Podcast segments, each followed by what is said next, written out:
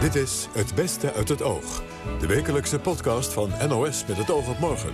Met de mooiste gesprekken en opvallendste momenten van deze week. Hier is Mieke van der Wij.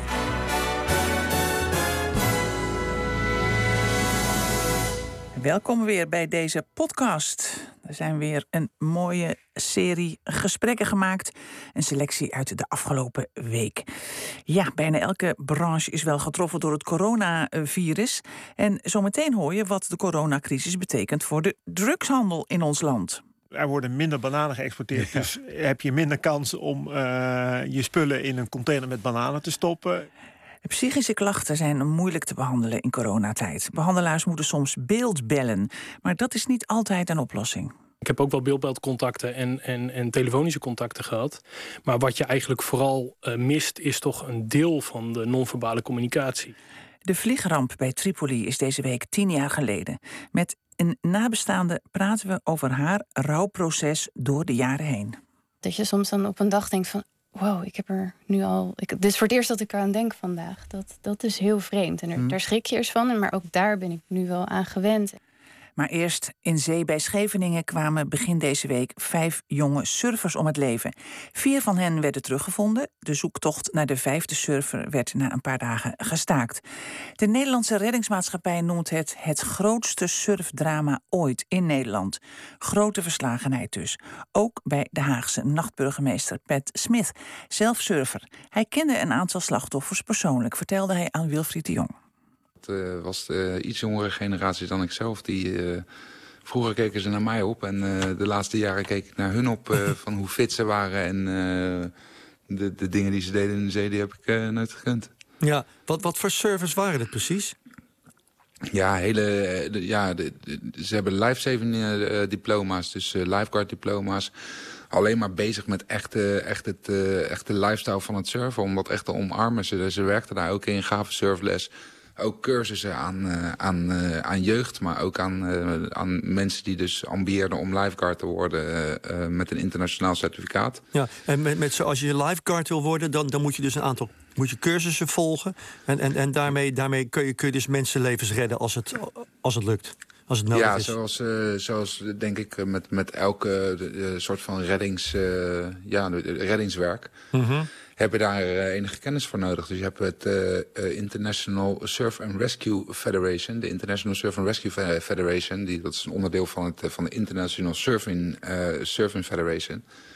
En die geven daar uh, ja, eigenlijk sinds de negentig jaren daar uh, onderwijs in. En uh, schrijven daar certificaten voor uit, ja. voor, voor lifeguards. En daarmee kan je internationaal aan de slag. Dus ik mag, mag aannemen dat ze A, goed getraind zijn... en B, ook heel serieus met hun vak dan bezig zijn. Al is dit natuurlijk wat ze nu hebben gedaan, vrije tijdsbesteding, hè?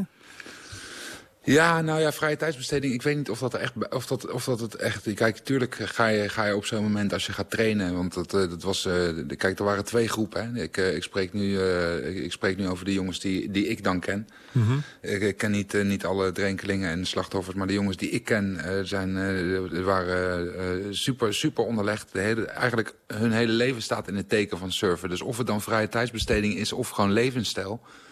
Uh, daar, kan je, daar kan je dan natuurlijk afvragen. En ik denk eigenlijk dat dat, uh, dat, dat laatste veel meer van kracht is op, uh, op deze jongens. Gewoon Ja. echt levensstijl. Gewoon Ja. alles in het teken stellen van de zee. En leren over de zee. En leren van de zee ook vooral. Want het is een natuur. En de natuur moet je respecteren. Want anders, eh, ja... ja, dan eh, werp je sowieso, onderwerp je sowieso aan de goden. Dus dat Ja, is, daar kom ik zo nog op hoor, over de betekenis van de zee hoor, absoluut. Want dat vind ik ook Ja. eh, belangrijk. Maar, maar jij bent zelf surfer, je, je, je kent Den Haag, je kent, je, je kent het gebied daar, ook, ook, ook de zee zul je daar goed kennen. Wat zou er gebeurd Zeker. kunnen zijn? Ja, dat blijft natuurlijk op dit moment speculeren. Want er is, eh, er is, eh, er is, natuurlijk weten de reddingsdiensten daar meer van af. En die hebben daar, eh, hebben daar ook natuurlijk een, een soort van vooronderzoek naar gedaan... van hoe dat nou heeft kunnen plaatsvinden. Wat, een beetje daar, wat, ik, wat mij een beetje duidelijk wordt... En wat ik ook zelf verwacht is dat er was een noord-noordwestenwind. Die, die, dat is een dat is schuin aanlandige wind. En dat, nou, dat is een... dit, dat is prima, dat, eh, dat gebeurt wel, vaker. Noord-Noordwest is niet een heel veel voorkomende wind, eh, windrichting. Vaak is het zuid of, eh, zuidwest of west. Ja, dan staat hij recht op de zee en nu niet. Hè? Nu staat hij er dwars ja, op. en zeg nu maar. staat hij een beetje, beetje dus dwars op de zee, waardoor, dat, waardoor het schuim dus, wat op het strand ligt... Dat schuim dat, uh, dat is uh, doordat de wind is gaan draaien van noord-noordwest niet meer op het strand gebleven. Maar uh, omdat het naar noord-noordoost draaide, is het aflandige wind geworden. En is dat schuim dus de zee ingeblazen. En op enig moment zijn die jongens die zijn eruit geweest. Zijn, zijn voor nog voor één rondje omdat de noord-noordwestenwind, die, die blaast je dus met de stroming mee van de wind. En dat is niet altijd zo, maar omdat het getij ook uitging... daarbij werd dat een bijkomstigheid dat de stroming dus richting het havenhoofd ging. En op enig moment zijn ze, zijn ze waarschijnlijk gepakt door een golf. En dus in dat gebied van 400 vierkante meter schuim van ja. drie meter hoog... of ja, Laat ik, laat, laat ik niet uh, overdrijven, maar tussen de, Anderhalve tussen, meter, tussen de ander, ander, anderhalf en, uh, en drie meter Ja. was het zeker. En, Maar Pet, eh, je zou toch denken als je dan voor je laatste rondje gaat... hoe lang duurt zo'n rondje? Is dat 10 minuutjes, kwartiertje? Wat is dat? Moet ik me daarbij voorstellen? eh, nou, nee, dat, daar, heb je wel een half uurtje voor Oké, nodig. voor, maar eh, dan zou je toch al eh, kunnen zien dat er al heel veel van dat schuim is. En dat je de, maak, je dan, Ja. maak je dan een afweging, moeten we nog gaan of niet? Vanwege het schuim? Nou, ik denk dat ze die eh, afweging eh, wel degelijk hebben gemaakt. Ze zijn ook veel meer eh, naar het noorden van het havenhoofd zijn ze, zijn ze erin gelopen. Is wat ik heb gehoord. Eh, ik heb het zelf niet gezien. Ik ben alleen bij de, bij de, bij de reddingsactie geweest toen die op touw was. Ja. En ehm, ja, ze zijn er daar ingelopen. En eh, ja, op enig moment is die wind veranderd. En dat heeft de stroming ook veranderd. Dus dan kan het gewoon in één keer plotsklaps omslaan. Ja, je weet hoe dat werkt met de natuur. Het ene moment schijnt de zon. Het andere moment komt, eh, het andere moment komt met bakken uit de hemel. Ja. En zo is dit denk ik ook gegaan. Dat het is gewoon eh, echt eh, ja, rotte pech. Ja, nou, nou, nou hebben we het hier over bodysurfen. Ik heb vanmiddag even wat, wat plaatjes zitten kijken hoe dat eruit ziet. Dat is mij niet zo'n hele bekende sport. Is dat, is dat de, de meest gevaarlijke sport als het om, body, om, om surfen gaat? Risicovolle sport? Nou, nee, nou, ik, nee, ik denk niet dat het, dat het per definitie... Het is allemaal gewoon eh, gevaarlijk. Want je bent in, in natuurkrachten. En je bent overgeleverd aan, aan de elementen. Mhm. En ik denk, bodysurfen is, is misschien... Je hebt geen bord bij je, dus niks kan je raken als je, als je, als je valt in een golf. Dus je kan ook niet eh, eh, het bewustzijn verliezen. Want dat Ja. kan met surfen weer wel, of met kitesurfen ook. Met windsurfen kan het precies hetzelfde. Je kan met kitesurfen uit de lucht vallen omdat je hele hoge sprongen maakt. Met windsurfen kan je door je mast en je giek kan je, kan je nog uitgeslagen kortom, worden. kortom je, neemt hoe dan ook, als je het water op gaat... Ga, neem je gewoon een, neem je risico. neem, neem je een, eh, risico, maar niet een risico wat niet eh, wel overwogen is. Want je staat altijd aan het begin van een, van een surfsessie, ongeacht wat je doet, sta je op de kant te kijken waar de golven breken, hoe de stromingen lopen, hoe, het weer is. Ja. het weer is, eh, hoe de wind staat vooral. Nou, Pet, En, dan eh, ga, ik, dan, ga ik nu, dan ga ik nu naar de zee, waar we het over hadden. Ja, Eh, ik heb goed. thuis het boek Surf Tribe staan. Ken je dat? Van Steven van Vleteren? Ja, dat, ik heb dat hier zelf ook staan. Dat kan niet anders, want het is een, geweldig fotoboek. Daar staat in de intro, heb ik weer even opgezocht... er staat, de surfcultuur heeft een diep respect voor de oceaan die overheerst. Het zijn onderdanen van de machtige surftribe... die de natuur als enige meester hebben. Wat hen verbindt is de liefde voor het water... en de verslaving aan de golf. Het gevoel van nietigheid tegenover de krachten van de natuur... de gewonnen en verloren gevechten met anderen... maar vooral met zichzelf. Ja, nou, helemaal goed omschreven. Precies dat.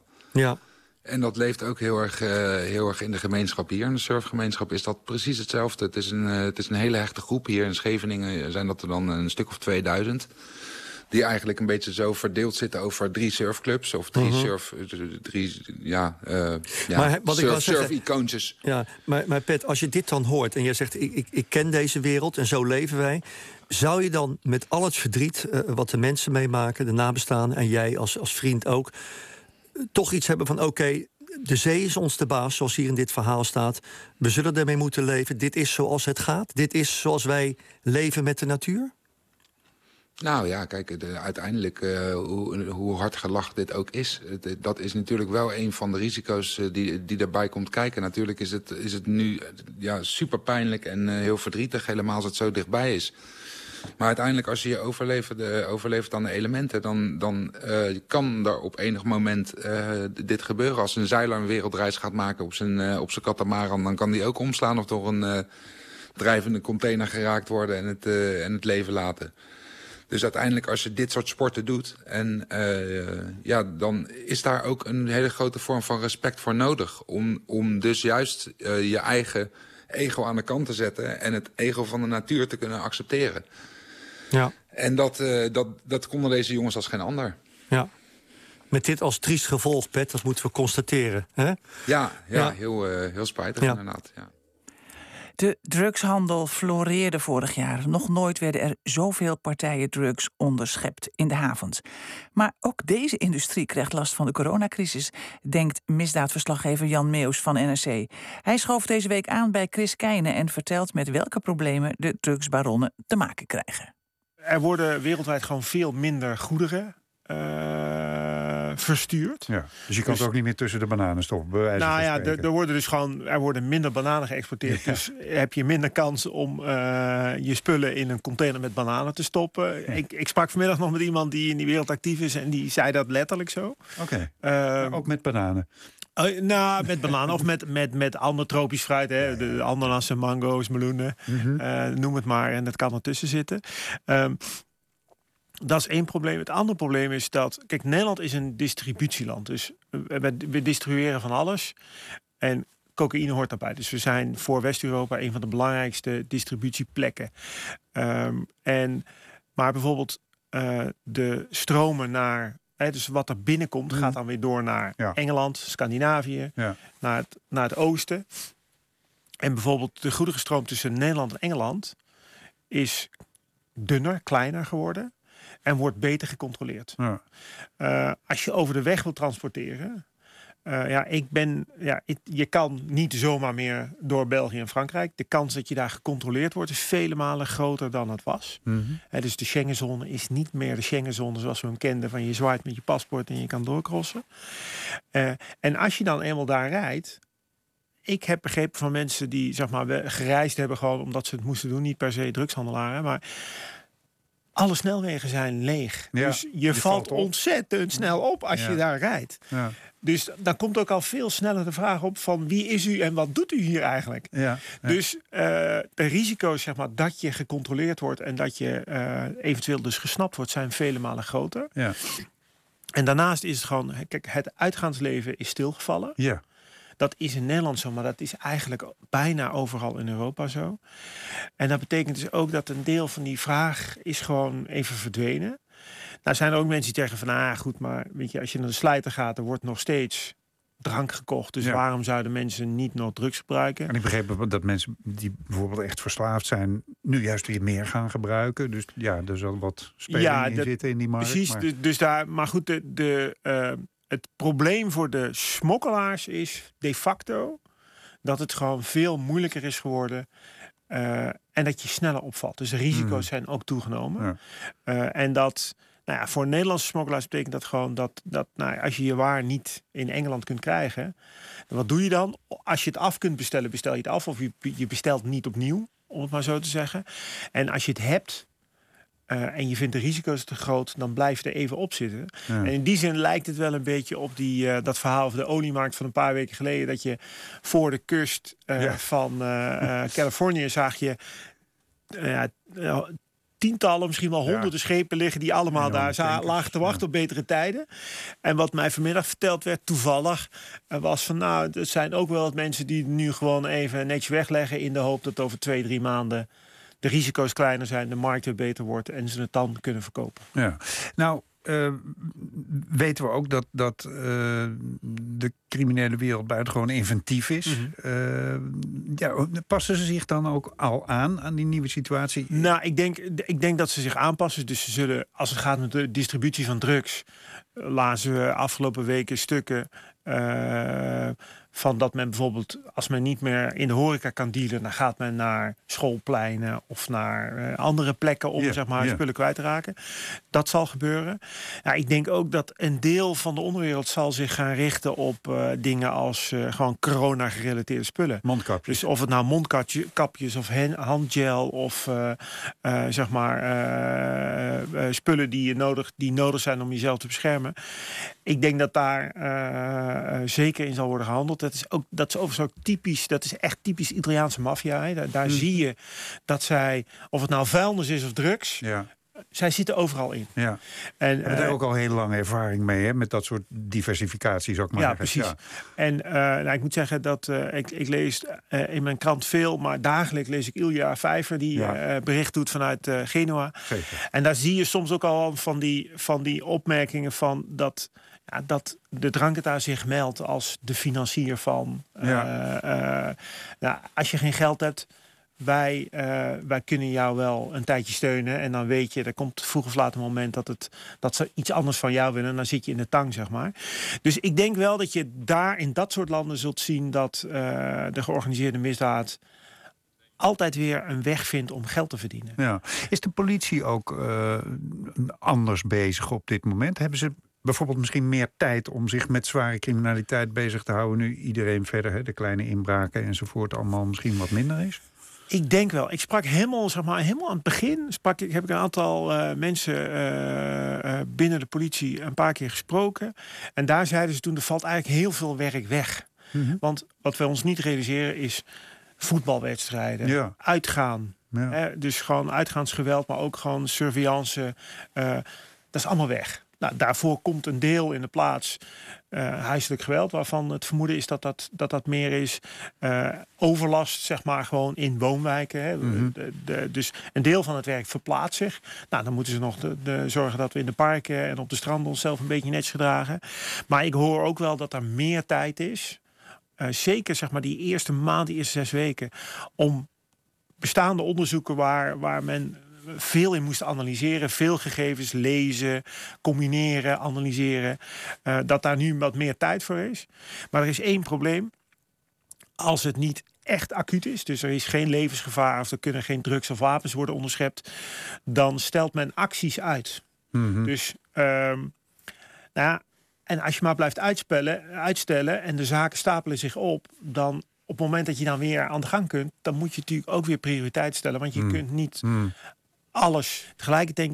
Zou het ook wel eens kunnen zijn dat men nu zich heel erg gaat richten op een hele organisatie en die van de top tot de onderkant een keer helemaal op te pakken? Misschien gaan we dat meemaken over drie of zes maanden, of over een jaar. Ik weet het niet. Ja, de gevolgen voor de drugshandel, maar de gevolgen van de coronacrisis zijn pas echt zorgelijk in de mentale gezondheidszorg. Voor een groot deel van de mensen die al psychische problemen had, zijn die problemen nog erger geworden. Dat bleek deze week. Herman van der Zand had El Nathan Prinsen aan tafel van de vereniging, de Nederlandse Vereniging voor Psychiatrie en patiënte Charlotte Bouwman. Toen de coronacrisis uitbrak, stopten haar behandelingen meteen en dat zorgde direct voor klachten. Als ik te lang alleen ben, dan zijn er allemaal overtuigingen die ik heb, die ik dan niet meer goed kan toetsen. En die worden dan eigenlijk veel groter. Ehm, en dan zijn het niet echt wanen van dingen die er niet zijn, maar gewoon heel negatief gedacht over mezelf. En die andere mensen zouden denken over mij, die heel groot worden. En het werd zo erg dat ik bijvoorbeeld eh, een paar dagen achter elkaar helemaal niks meer had gegeten, omdat ik dacht dat ik super dik was geworden. Uit het niks. Ehm, ik dacht dat mijn psycholoog me haatte. Ehm, ik dacht dat eh, eigenlijk sowieso iedereen die ik om hulp vroeg me haatte omdat ik zoveel had geprotesteerd. Eh, ik dacht dat mijn vrienden mij niet meer wouden spreken. Ja, gewoon allemaal dingen die ik normaal soms ook al wel een beetje kan denken. Maar het was nu allemaal heel enorm extreem geworden. Maar eh, er is wel een telefoon. Er, was, er kon wel een telefoongesprek worden gevoerd met, met, eh, met hulpverlening. Ja, alleen het probleem wat ik heb is als ik hoog in spanning ben, dan ga ik dissociëren. Dat is dat ik uit contact raak. En ehm, ik kon dan wel video bellen of gewoon bellen. Maar ik heb dan heel vaak, eh, ja, dan moet ik sowieso wel iemand in de ogen kunnen kijken. Of als ik echt weg, ver weg raak, dat ze dan eh, een beetje mijn zintuigen kunnen prikkelen. Bijvoorbeeld met een sterke geur of zo. Nou ja, dat kan natuurlijk niet via de computer. Nee, Ik heb ook wel eens gewoon die computer dichtgeklapt en dan, dan is ja, die ook weg dan is het ook weg. Ja, ja. Dus ehm, ja, dat ging niet zo. Dus daardoor ben ik uiteindelijk ehm, twee keer opgenomen. Meneer Prins, u bent voorzitter van, van de Nederlandse Vereniging voor Psychiatrie. Eh, Zo'n zo'n videoverbinding of een telefoonverbinding, is, is dat voor u als hulpverlener een goed middel? Nou, dat, dat hangt er heel erg van af. Eh, er zijn zeker eh, grote groepen mensen die daar eh, goed van kunnen profiteren. Eh, maar wij hebben ook vanaf het begin af aan gezegd dat er groepen mensen zijn die, voor wie dat echt te weinig is. En dat je echt andere vormen van contact moet zoeken. Wat mist u als hulpverlener? Ja, ik zelf heb, ben de hele tijd patiënten ook blijven zien. Eh, en ik heb ook wel beeldbeeldcontacten en, en, en telefonische contacten gehad. Maar wat je eigenlijk vooral eh, mist, is toch een deel van de non-verbale communicatie. En we weten dat het grootste deel van communicatie non-verbaal is. Ja, als je gaat bellen, hoor je nog een stukje intonatie. Bij beeldbellen zie je natuurlijk ook wel lichaamstaal. Maar de hele interactie in die non-verbale communicatie, ja, die is toch echt anders als je met iemand in één ruimte bent. Wat, wat was uw indruk over de geestelijke gezondheidszorg toen, toen de crisis begon? Wat, wat gebeurde er met die, met die sector? met uw Nou, sector? Ik denk je zag net als in, in de hele zorg en in het hele land natuurlijk. eh, hadden, was er een oproep zo min mogelijk reisbewegingen, zoveel mogelijk vanuit huis werken, zoveel mogelijk digitale contacten. Dus dat heb je natuurlijk in onze sector ook gezien. En tegelijkertijd eh, hebben we direct eigenlijk met een groep mensen eh, gezegd: ja, noodzakelijke zorg moet gewoon doorgaan. En als dat nodig is, moet dat zeker ook gewoon fysiek face-to-face. En daarom hebben we ook eh, een richtlijn gemaakt waarin dat eigenlijk al vanaf het begin eh, stond.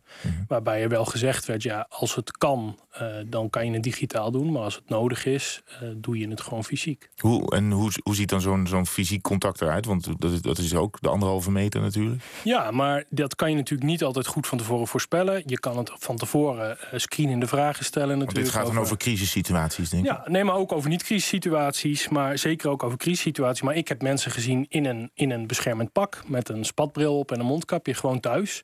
Mensen die bewezen besmet waren of mensen die eh, verdacht werden. En je kan natuurlijk heel veel dingen van tevoren uitvragen.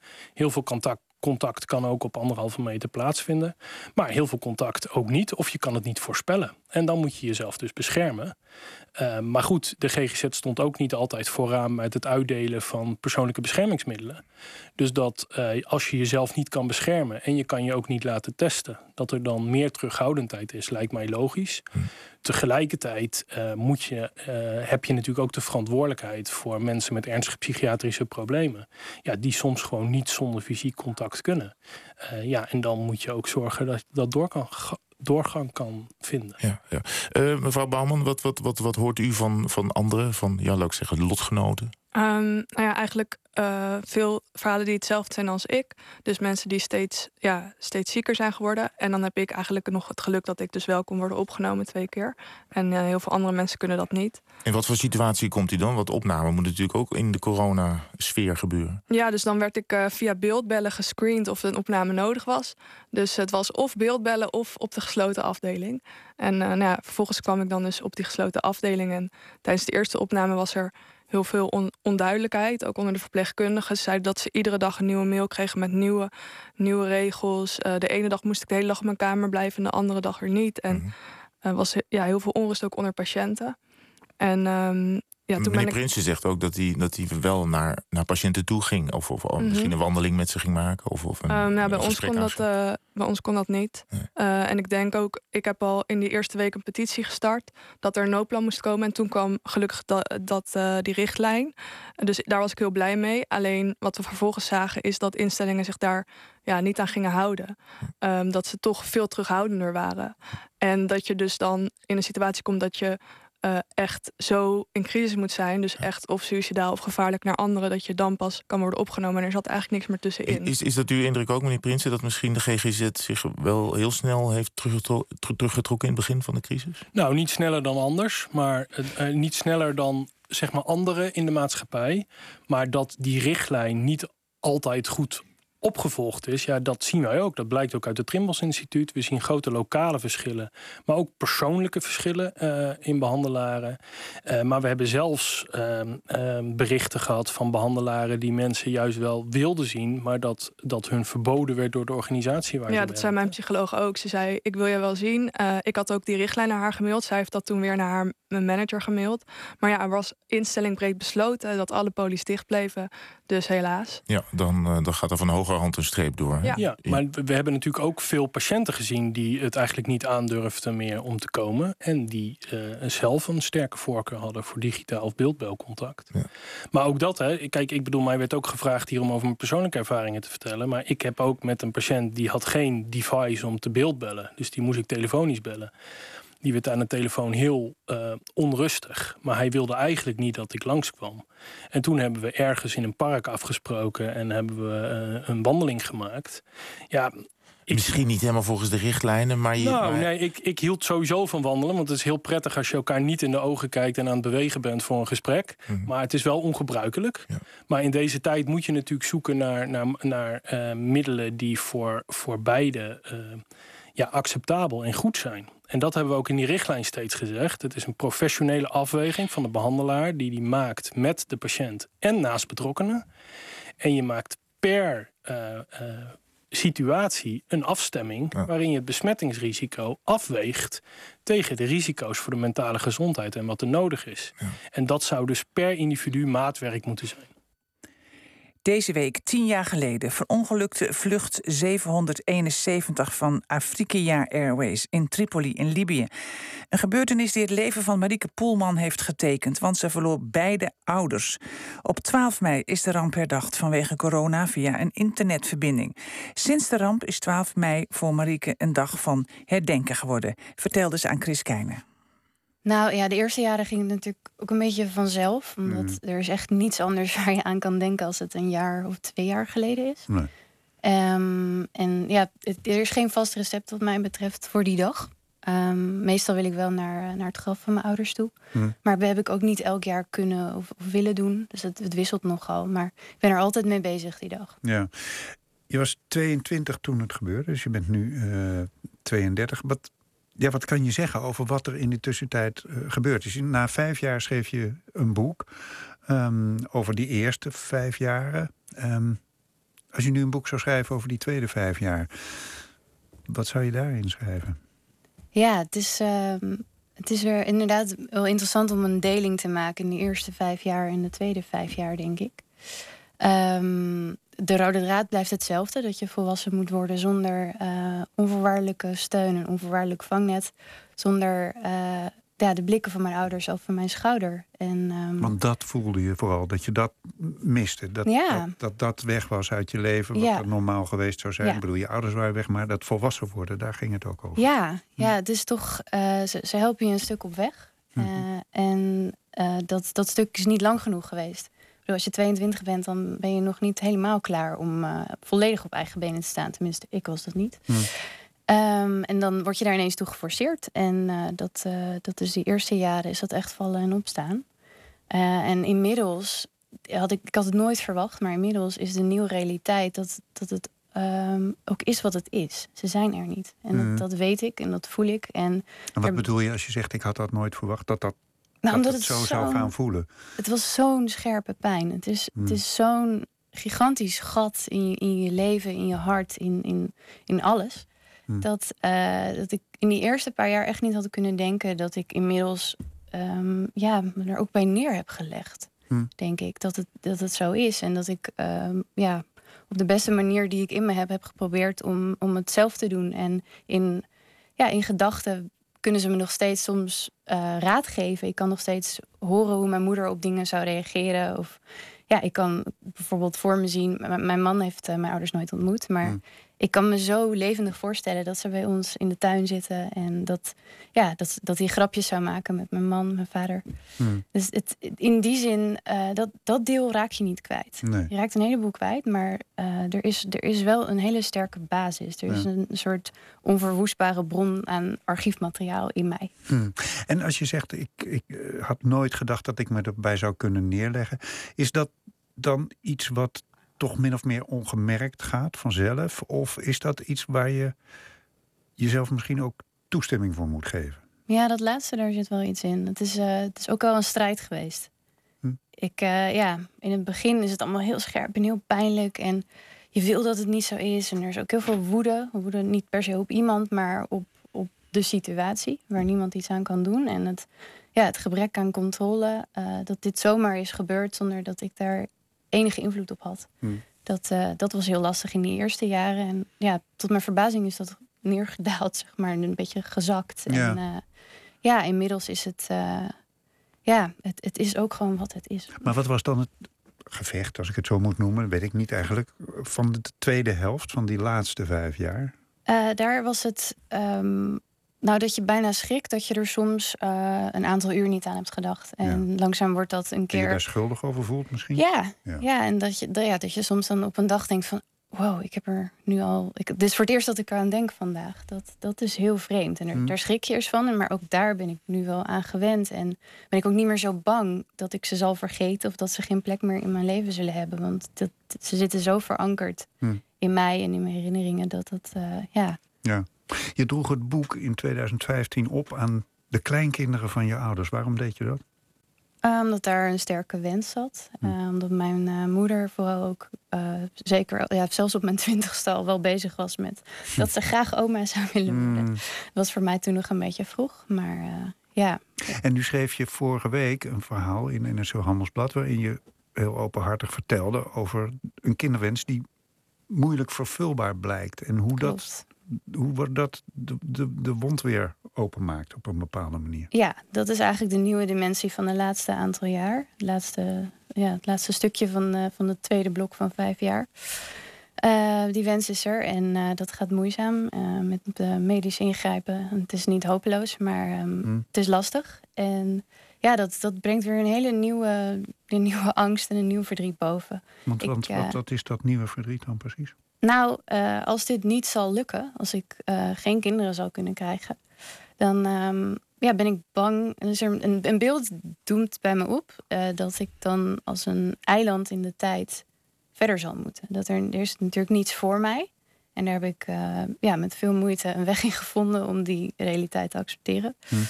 Um, en, maar wat als er ook niets na mij is? Dan, dan ben ik dat eiland. Dan sta ik als generatie alleen daar. En dat, uh, ja, dat, dat is moeilijk. En dat geeft ook het, het verdriet aan mijn ouders weer een, uh, een, ja, een nieuwe diepte. Hmm. En hoe ga je daarmee om? Ja, daar ben ik een beetje zoekende in. Um, een manier is uh, dat ik toch heb besloten om ook dit deel van mijn verhaal te gaan delen. Hmm. Daarom heb ik het stuk in NRC geschreven. Hmm. Um, omdat dat ook eigenlijk mijn weg is geweest met uh, het, uh, het, het, initiële verdriet om mijn ouders, het, het gemist. Ik ben erover gaan schrijven en zo heb ik stapje bij beetje en woord voor woord het gevoel gekregen dat ik de, die controle die ik zo uh, verloren was door dat het nou eenmaal was wat het was, dat ik die een beetje herwon. Omdat je het verhaal ook aan jezelf vertelde. Ja, het helemaal opnieuw doorleefd en het verhaal vertelde ik inderdaad aan mezelf en deelde ik met anderen. En ja, daardoor voelde ik me minder alleen. Hmm. Uh, en kreeg ik ook terug van mensen dat ze zich herkenden in mijn verhaal. En ja, iets zegt me dat dit misschien uh, wel opnieuw de weg kan zijn naar, uh, ja, naar een wat minder grimmig toekomstbeeld. U weet het inmiddels, de theaters en concertzalen zijn dicht. En daarom laten we in het oog elke dag een bijzonder optreden horen. Jacques Poels van Roanese heeft net zijn eerste soloplaat uitgebracht... maar echt druk heeft hij het momenteel niet. Vanuit zijn lege stamkroeg in Limburg heeft hij alle tijd om Herman te woord te staan. Nou ja, ik, ik was, als het, als het doek niet gevallen was door de crisis... was ik echt uh, de drukste tijd van mijn leven binnengewandeld, zeg maar. Zowel Rowe Hezen, dat stond helemaal vol. En mijn soloplaat, wat je al zei net, die was uit. Dus ik ging voor uh, beide, uh, moest ik uitdrukken. Voor Rowan Hezen en voor die soloplaat. En promo dingen. Nou ja, en, en toen ineens, toen was het een oase van rust. Want we hoefden niet meer op te treden. En... en ik kon ook weinig doen met mijn soloplaat qua promotie. Dus daar zat ik. En uh, ik verveel me nooit overigens, dat is een ander verhaal.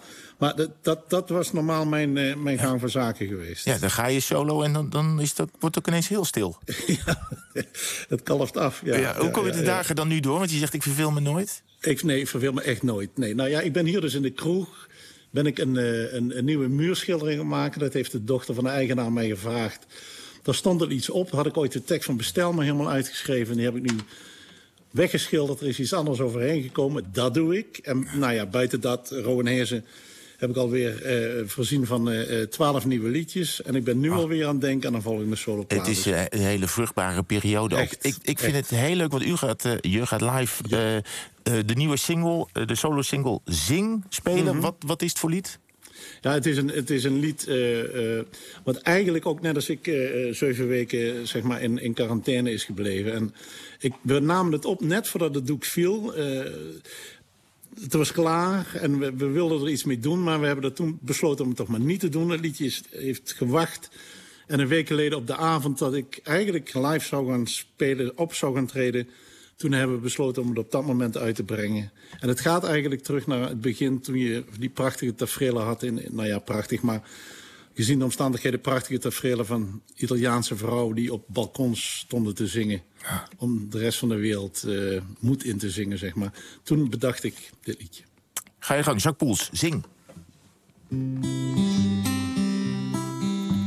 De wereld is dicht, afgesloten, de straatlantaarn het asfalt blinkt, een land met stilte.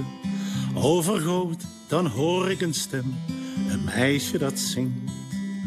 Dan praat ze met hem, gewone woorden, lang niet zo mooi als net toen ze zong. Toen ik even niet wist wat ik hoorde, ik vraag maar één ding, kom meisje zing. Zing, laat niks hier onbezongen. Zing, zing, het allerhoogste woord. Voor treurige huizen met donkere daken, totdat straks de zon weer schijnt. Doe jij om alles weer mooi te maken. Maar één ding, kom meisje, zing, zing, laat niks hier onbezongen. Zing, zing, het allerhoogste woord. Zing voor iedereen, de sterren van de hemel. Voor alle mensen thuis, in het hart van iedereen.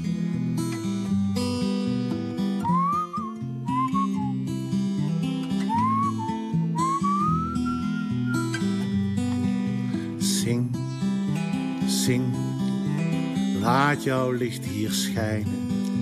Zing, zing, laat alles even staan. Zing, zing, laat alle angst verdwijnen. Zing, zing, laat alles verder gaan. Laat jouw lied het land verwarmen, dan zingen we mee. Het grootste koor, de stad, het dorp, ligt in jouw armen. Zing voor iedereen en de wereld draait door.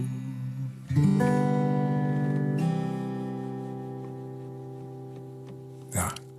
Nou ben ik al een bevoorrecht mens dat ik hier zit. Maar ik zie je daar eh, zitten in het lege café. Een prachtig lied. Eh Dank. Jacques, dank je wel. Eh, ja, ja, het is wel een leeg café, maar we zijn, het, we zijn toch een beetje bij elkaar, voel ik hier. Mis je het optreden? Ja, heel erg. Ja, ja, ja. Ik, ik merk dat nu weer als ik speel, gedurende een liedje, dat ik weer weet eh, wat, eh, waar ik voor op de aarde ben. Dat is liedjes zingen. Ja. Ja. Eh, 1 juni, dan, dan gaan eh, zalen weer open, zoals het er Mhm. nu uitziet. Hè? Kleine groepjes zou het zijn, mannetje of 30, personeel erbij. Is dat, is dat wat? Of eh, hoeft het helemaal niet? Ja, nou ja, Henk, dus de baas van de kroeg, heeft mij zo'n beetje... Het, het, het- Is dat Henk van Henk een lollige vent? dat dacht ik. Nee, dat, die, dat, Henk is lollig vet, gaat over Piet. Maar dat zong ik, dat was de auto-garagehouder hier in het dorp. Oh ja. Maar Piet, Piet, Piet, dat klonk een beetje raar. Dus daar heb ik Ja, Henk, ja, Henk, heb je Henk van gemaakt. nee, maar dat is niet die Henk. Maar die heeft mij de plattegrond laten zien. En die heeft afhaalpunten. En eh, mensen mogen niet... Ja, je mag niet bezorgen, je moet zelf je bier afhalen. Ja. Ik heb er alle vertrouwen in hier. Oké, nou fijn. Eh, en, Dat is en, ook de wens te waarde van de gedachte natuurlijk. en misschien ook wel het juiste publiek voor, voor, voor, kleine, voor kleine nummers. Absoluut, Ja. absoluut. Ja, dat was hem weer. Dankjewel voor het luisteren. Tot volgende week. Maar even nog aandacht voor dit. Dag luisteraars. Wij, een aantal communicatiestudenten uit Tilburg, doen onderzoek naar de podcast waar u zojuist naar geluisterd heeft. Samen met de NOS willen wij u nog beter van dienst zijn. Daar kunt u ons bij helpen door het invullen van de enquête die te vinden is op de Facebook- en Twitterpagina van Met het Oog op Morgen. Alvast bedankt. Ja, ik wil eigenlijk ook wel weten wat u van de podcast vindt. Daar kunnen we allemaal ons voordeel mee doen. Dus eh, help de studenten. Dankjewel. Tot volgende week. Dag.